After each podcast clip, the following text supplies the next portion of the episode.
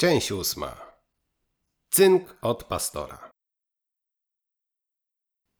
Kiedyś cała Wall Street sądziła, że religijność Silasa Showa jest udawana. No bo niby czemu miałoby służyć to ciągłe afiszowanie się starego z religijną aktywnością? Wysunięto wiele, nawet bardzo pomysłowych teorii. Niektóre z nich nawet mówiły, że jest to rodzaj pokuty.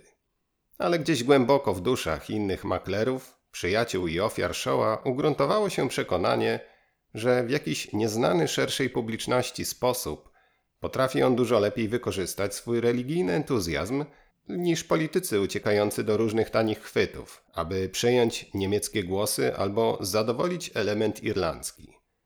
Pewnego dnia, po serii mniejszych potyczek i ostatecznej bitwie stoczonej o akcję Southern Shore między starym i rynkowymi niedźwiedziami, kiedy ci ostatni po kapitulacji dorzucili na jego konto pół miliona dolarów, wezwano na konsultacje luminarzy episkopalnego kościoła metodystów. Silas Shaw myślał o tym od dawna. Teraz przeprowadzono liczne dyskusje, a teolodzy, którym towarzyszyły uspokajające wystąpienia prawników starego, wygłosili mniej lub bardziej nietrafione kazania. Potem było jeszcze więcej metodystów, więcej prawników i więcej rozmów. Na koniec pojawił się agent nieruchomości, architekt, poważny bankier i wystawiony przez starego czek. Następnego dnia gazety ogłosiły założenie seminarium teologicznego Silasa Showa, który został głównym sponsorem. Ale pomimo tego, że stary poświęcił zdobyte w niezbyt chwalebny sposób łupy na tak szlachetny cel, Wall Street nadal pozostawała sceptyczna. Niestety, popełniła błąd, jak zresztą zdarzało jej się to dość często, kiedy oceniała swoich liderów. Silas Shaw w swoim okręconym tickerową taśmą sercu miał czułe miejsce przeznaczone dla wszystkiego co duchowe. Oprócz tego, że był ważną figurą na rynku, lubił kiedy postrzegano go także za jeden z filarów kościoła. W robocze dni z przyjemnością wsłuchiwał się w stawiające na nogi staccato tickera. Ale w niedzielę niczego nie kochał bardziej niż kojących dźwięków znajomych hymnów. I jeśli wśród maklerów krążyły na jego temat rozmaite, malownicze i oryginalne opinie, to także znalazłby się nie jeden duchowny, który mógłby opowiedzieć wzruszające historie o tym, jak stary hazardzista żarliwie zareagował na prośbę o fundusze i jak dzięki niemu zbudowano wiele prowincjonalnych świątyń. Wśród ludzi związanych z kościołem szeroki gest Showa był na tyle znany, że wielebny dr Ramsdell, pastor w kościele metodystów na Steen Street oraz powiernik seminarium, bez wahania postanowił zwrócić się do niego o pomoc. Nie była to co prawda kongregacja, do której należał Shaw, ale dr Ramsdell odpowiadał za kontakty z kilkoma znanymi na Wall Street bankierami oraz kilkoma członkami nowojorskiej giełdy. I bardzo chciał, aby nazwisko Silasa Showa, poprzedzające rządek cyfr, znalazło się na czele listy darczyńców. Chodziło o wybudowanie protestanckiego kościoła w Oruro w Boliwii, jednej z najmniej ucywilizowanych południowoamerykańskich republik. Dzień dobry, bracie Show. Mam nadzieję, że dobrze się pan miewa. Nieźle, nieźle. Bardzo dziękuję. Odpowiedział stary, krzepki hazardzista. Co wielebnego sprowadza w to grześne miejsce? Praca misjonarska zapewne. Dobrze byłoby zacząć od tych młodych szalbierzy obstawiających spadki. A tak, odpowiedział gorliwie wielebny doktor Ramsdell.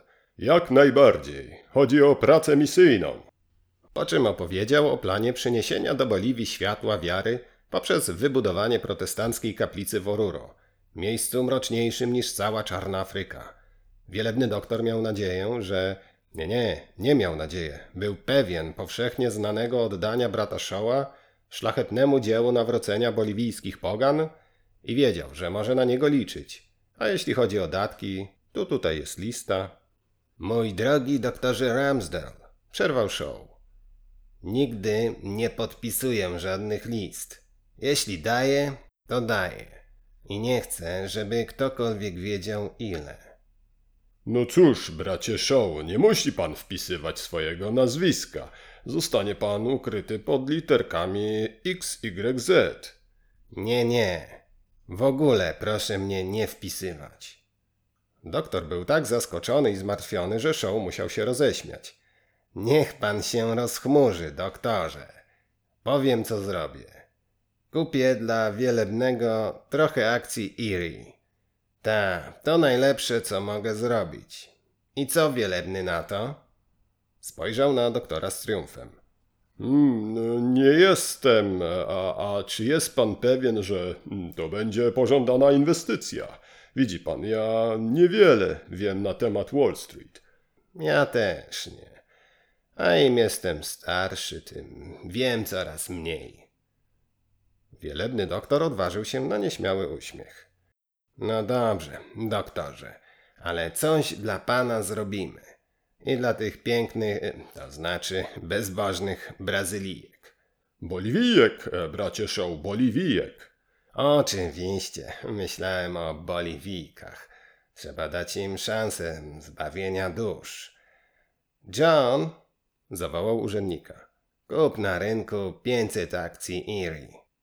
Dobrze, proszę pana, powiedział John i szybko zniknął w budce telefonicznej. Kupno na rynku oznaczało kupno po dominującej cenie rynkowej. Bracie Show, jestem niezmiernie wdzięczny. Proszę mi wierzyć, ta sprawa bardzo mi leży na sercu, ale mm, y, kiedy będę wiedział, że inwestycja przyniosła zysk? A, tutaj nie ma żadnych wątpliwości. W ten sposób rynek kapitałowy będzie miał swój udział w działalności misyjnej, a wielebnemu wystarczy tylko co wieczór zerkać na strony finansowe gazety. Tam można znaleźć potrzebne informacje. Obawiam się, drogi bracie, Powiedział doktor Ramsdell niepewnie. y, że mogę mieć trochę problemów z pozyskiwaniem informacji. Absolutnie nie. Proszę spojrzeć. Wziął gazetę i wyszukał strony z informacjami giełdowymi. Proszę przysunąć się nieco bliżej. O, tutaj mamy spółkę Erie. Wczoraj handlowano wolumenem 18 230 akcji Erie Railroad. Najwyższa cena wyniosła 64,3 czwarte, a najniższa 63,1 czwarta. Cena na zamknięcie to 64,5. Te liczby to dolary na jedną akcję. To bardzo wysoki kurs. John, masz już pokwitowanie na te 500 akcji? Tak jest, proszę pana, powiedział John. 65 i jedna ósma. Widzi pan, doktorze? Kurs wciąż idzie w górę.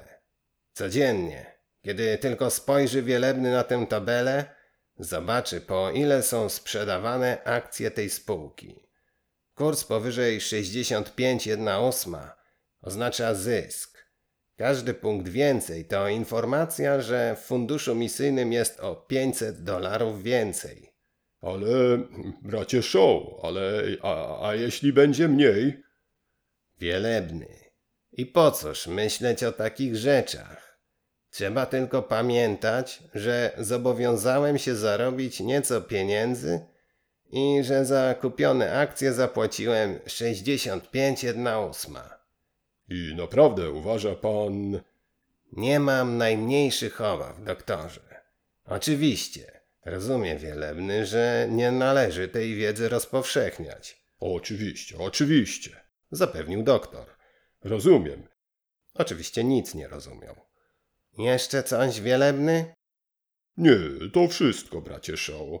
Mam szczerą nadzieję, że moja, e, pana, e, właściwie powinienem powiedzieć, nasza inwestycja przyniesie bardzo korzystne rezultaty dla Boliwijskiego Funduszu Misyjnego. Bardzo dziękuję. Nie ma o czym mówić, doktorze. I proszę się nie obawiać. Fundusz bardzo dobrze na tym wyjdzie. Dam znać za tydzień lub dwa. Życzę miłego dnia. Wielebny wyszedł i przeszedłszy przez ulicę, udał się do biura jednego ze swoich parafian, maklera Waltera H. Cranstona.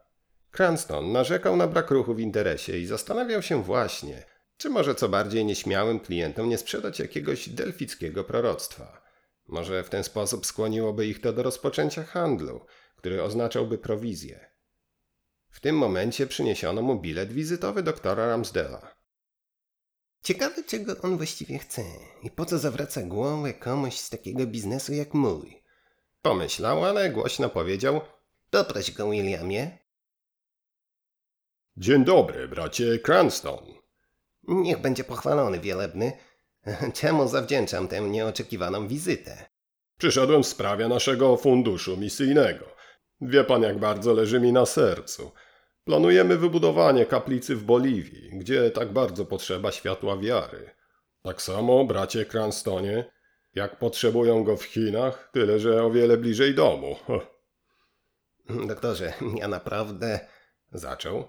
Chciałbym, aby złożył pan swój cenny podpis na liście naszych darczyńców. Powiedział pastor żartobliwie. Proszę mi nie odmawiać.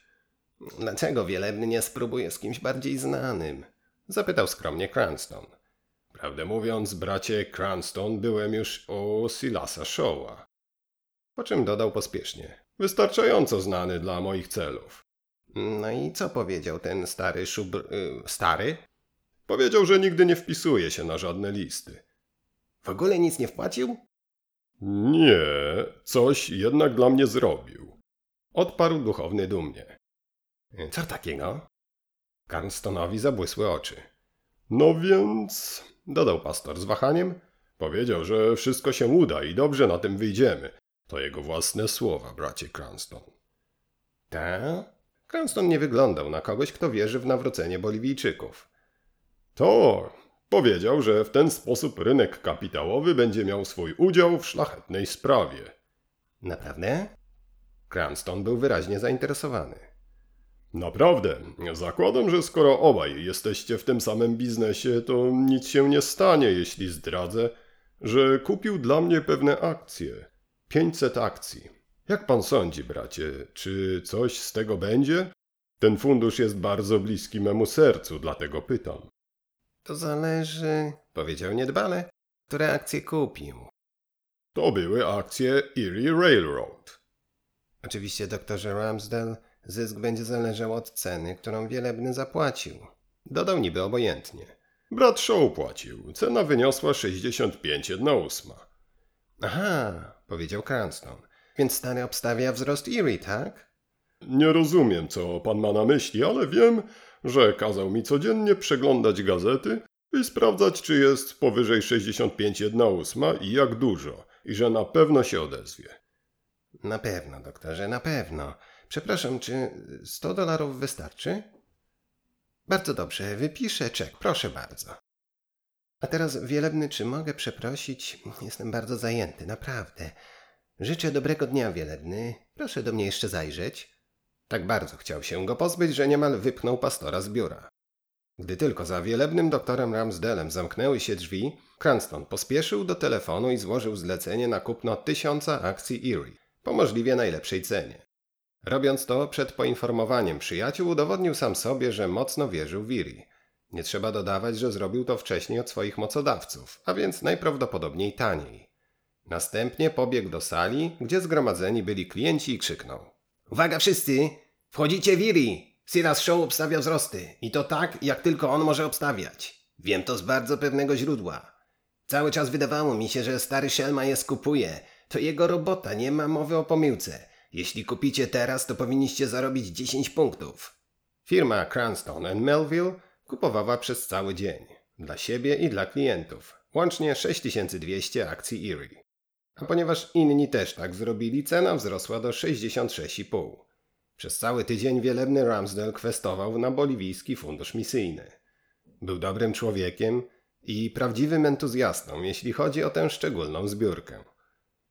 Powiedział zatem swoim parafianom, jak Bran Cranston wpłacił 100 dolarów, a brat Baker, inny człowiek z Wall Street, nawet 250. I że brat Shaw obiecał, o tym informował z rozbawieniem, jakby fakt udziału giełdy w funduszu uważał za niezły żart. Otóż brat Shaw kupił dla niego pewne akcje i zapewnił go w barwny, typowy dla siebie sposób, że za tydzień lub dwa na pewno się odezwie w sprawie zysków. Każdy, komu o tym powiedział, pytał o nazwę spółki. Adresaci informacji reagowali różnie w zależności od temperamentu, a wielebny, ponieważ sam miał już akcje, nie widział powodu, dla którego miałby dyskryminować pozostałych. Więc bez wahania podawał nazwę, zakładając, że bratu Show w niczym to nie zaszkodzi. I miał rację. Chociaż w swojej naiwności nie miał o tym pojęcia, to zrobił coś, co od zawsze jest najlepszym prezentem, jaki można wręczyć Wall Street. Dawał cynk wdzięcznym przyjaciołom. Rozmiary boliwijskiego funduszu misyjnego przerosły najśmielsze oczekiwania pastora. Aż tu nagle stało się coś bardzo dziwnego. Akcje Erie, które według beznamiętnych informacji drukowanych na stronach finansowych codziennych gazet wahały się między 65 a 67, teraz ku jego wielkiemu zaskoczeniu zaczęły spadać. W tabelach można było przeczytać maksimum 65,3 czwarte, minimum 62, ostatnia 62,5 W środę było już maksimum 62,5, minimum 58, ostatnia 58. W czwartek pojawił się promyk nadziei. Maksymalna cena sprzedaży podniosła się do 60, a akcje zamknęły się na 59,5. Ale piątek przyniósł kolejne złe informacje. Akcje IRI spadły do 54,1 o 11,1 poniżej ceny zakupu przez boliwijski fundusz misyjny. W niedzielę wielebny doktor Henry W. Ramsdell wygłosił kazanie przed ponurymi parafianami w Gotham. W którąkolwiek stronę by nie spojrzał, wszędzie napotykał na pełne wyrzutu spojrzenia. Oczy pełne niemego oskarżenia, goryczy, gniewu lub smutku. Wyjątek stanowił Silas Shaw, który, jak to miał w zwyczaju, przyszedł posłuchać kazania swojego dobrego znajomego. Przez cały czas patrzył na pastora niewinnym wzrokiem. Wygląda, pomyślał Ramsdell, na wyjątkowo z siebie zadowolonego. Czyżby zapomniał o obietnicy? O obietnicy, po spełnieniu której tyle spodziewali się boliwijscy poganie? Po nabożeństwie obaj mężczyźni podeszli do siebie.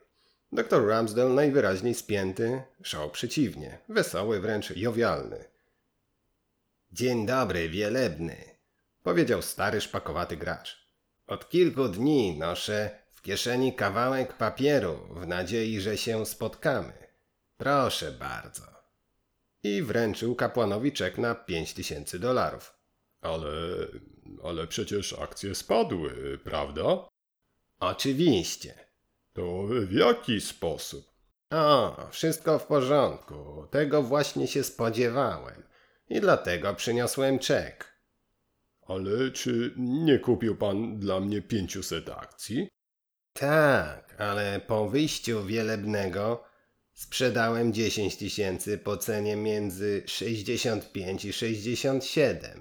Parafianie wielebnego bardzo się zainteresowali tymi akcjami. Zachichotał. To właśnie im sprzedałem te akcje. Ale y, odniosłem wrażenie, że mówił pan, że akcje pójdą w górę. Ależ nie, nigdy tego nie mówiłem.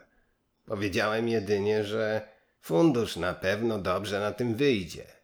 I chyba tak się stało. Roześmiał się. Ci nieznośni Boliwijczycy zostaną w końcu oświeceni. Ale Pastor poczerwieniał i niepewnie obracał czek w palcach. nie wiem, czy mogę to przyjąć. Pastorze, przecież mnie pan nie okrada, zapewnił go wesoło stary hazardzista. Też bardzo dobrze na tym wyszedłem, naprawdę. Ale Jąkał się kapłan. naprawdę nie wiem, czy jest to słuszne. Proszę schować ten czek do kieszeni, powiedział ostro Show, marszcząc brwi. Wielebny, naprawdę zapracował pan na te pieniądze. Czytał Dominik Dagiel.